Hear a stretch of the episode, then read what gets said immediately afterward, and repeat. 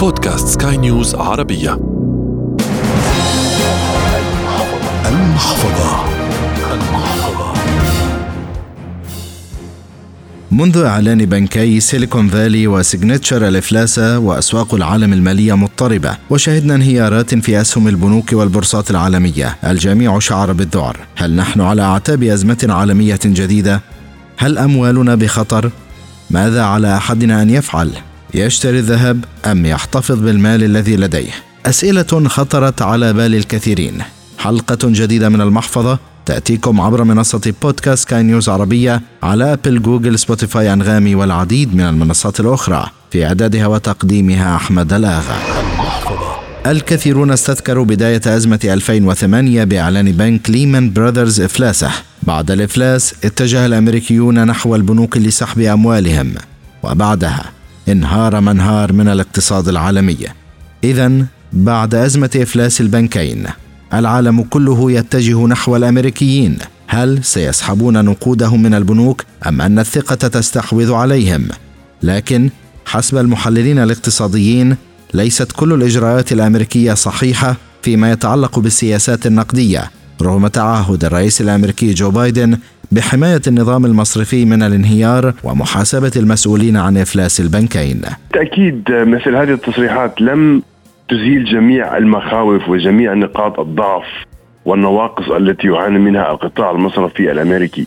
هناك الكثير من النواقص التي ما زال يعاني منها النظام المصرفي الأمريكي خاصة وأن آه، هذا النظام لم يستفد نهائيا من الدروس الثمينة التي أفرزتها أزمة عام 2008 طالما أن أزمة عام 2008 ارتبطت بواحد آه، من أكبر البنوك الاستثمارية في العالم هو ليمان براذرز وكان لتلك الأزمة دروس ثمينة جدا أفرزتها. كان من المفترض من قبل القائمين على النظام المصرفي الأمريكي أن يستفيدوا من هذه الدروس لكي يتجنبوا المخاطر المحدقة بهم. وأهم هذه الدروس دعني يعني أوضح للمستمعين بأن البنوك الاستثمارية كان يجب منذ فترة زمنية طويلة أن يفرض عليها إجراءات وقوانين بأن تقوم بفصل نشاطاتها خاصة النشاطين الأساسيين وهما النشاط الاستثماري ونشاط ال retail banking يعني لا يمكن أن نتقبل منطقيا أو اقتصاديا أن يقدم بنك مثل Silicon Valley على آه، استثمار ودائع العملاء في استثمارها في أوراق الخزينة الأمريكية من المعروف جدا أن أوراق الخزينة الأمريكية معرضة للمخاطر خاصة في حال أقدم الاحتياط الفدرالي الأمريكي لهذا النهج الصارم في رفع نسب الفائدة. لا يمكن أن نتقبل منطقيا أن يقوم هذا البنك باستغلال أموال المودعين لتحقيق أرباح ذاتية للبنك، يعني كان من المفترض من البنك أن يقوم باستثمارات أكبر بكثير من العشرة بالمئة التي استثمرها في تقديم القروض للشركات وللمستهلك العادي أو يعني تحسين البنى التحتية بشكل عام في الولايات المتحدة الأمريكية. هو فقط استغل أو استثمر 10% فقط من اصوله الاستثمارية التي تصل إلى 200 مليار دولار. الخبير الاقتصادي أحمد ياسين عند ذكر أهم الخطوات التي على أي شخص لديه نقود يحاول ألا تذهب سدى مع الأزمات، كان الاستثمار أهم الخطوات وتنويعه كان الأهم والذهب يبقى ذهبا وقت الأزمات. يعني هناك وجهات استثمارية عديدة تعكس درجة كبيرة من الأمان. بالتأكيد اقتصاديا وماليا الذهب يعتبر من الجنات من الجنات الاستثمارية الآمنة.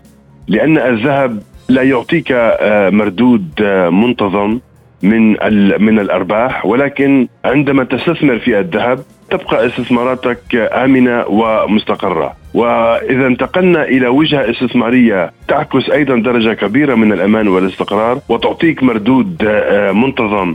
من الأرباح آه، أن تقوم ب آه، يعني إنشاء سلة استثمارية تكون متنوعة ومتكاملة. في هذه السلة أنا أنصح بأن توجد فيها أنواع الأسهم الاستثمارية. يعني هناك أسهم تعرف ماليا بالأسهم الهجومية وهنا أخص بالذكر قطاع التكنولوجيا بشكل خاص.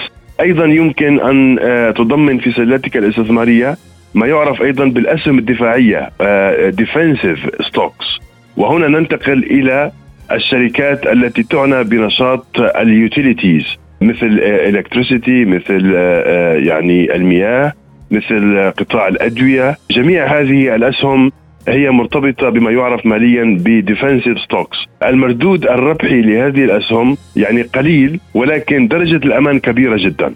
إذا انتقلنا إلى نوع آخر من الأسهم هو اسهم الهجين ما بين ال offensive وال defensive. كذلك أيضا هذا يعطي تنوع إيجابي لسلتك الاستثمارية. كذلك أيضا يمكن تضمين startup startup يمكن أن تحقق ربحية كبيرة جدا خاصة إذا كان لديك المتابعة المستمرة لنوعية أسهم مثل هذه الشركات التي انطلقت يعني آه، بشكل حديث. ولكن يبدو أن نشاطها كشركة آه، واعد انطلاقا من آه، الوجهة التي يأخذها الاقتصاد العالمي ككل.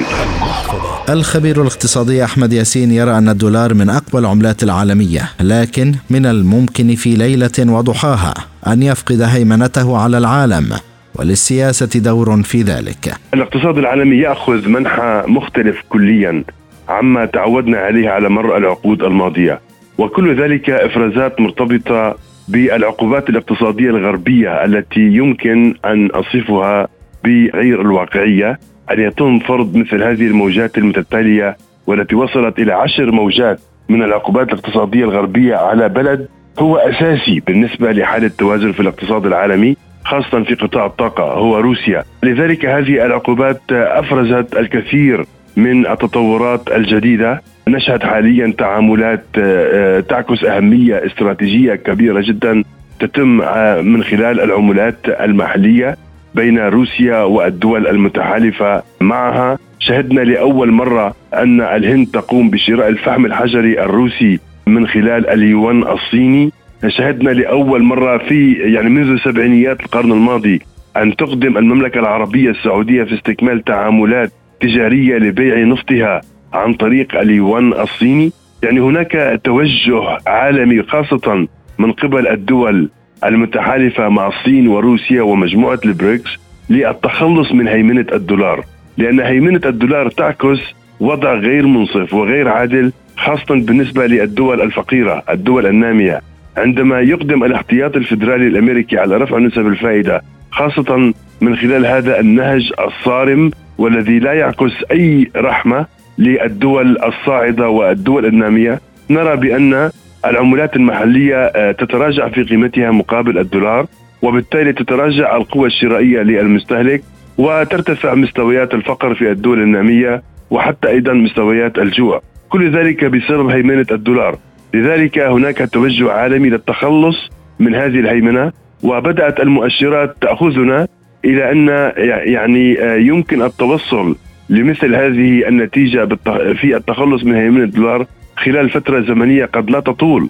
يعني قبل حوالي ثلاث سنوات كانت نسبة استحواذ الدولار على الاحتياطي النقدي العالمي تزيد عن 63% حاليا النسبة تراجعت إلى ما دون الستين بالمئة. العالم ما زال في بداية الطريق للتخلص من هيمنة الدولار ولكن طالما أن الطريق قد بدأ في خطوته الأولى آه بالتأكيد سوف نصل إلى هذا الهدف المنشود بالتخلص من هيمنة الدولار وتحقيق نظام مالي عالمي أكثر عدلا وأكثر إنصافا خاصة بالنسبة للدول الفقيرة. في النهاية أنت أدرى فقرارك بين يديك. إلى هنا وصلنا إلى ختام هذه الحلقة من برنامج المحفظة والتي أتتكم عبر منصة بودكاست سكاي نيوز عربية على Apple Google Spotify أنغامي والعديد من المنصات الأخرى. في الإعداد والتقديم كنت معكم أحمد الآغا. ومن الإخراج الإذاعي غسان أبو مريم. إلى اللقاء. المحفظة.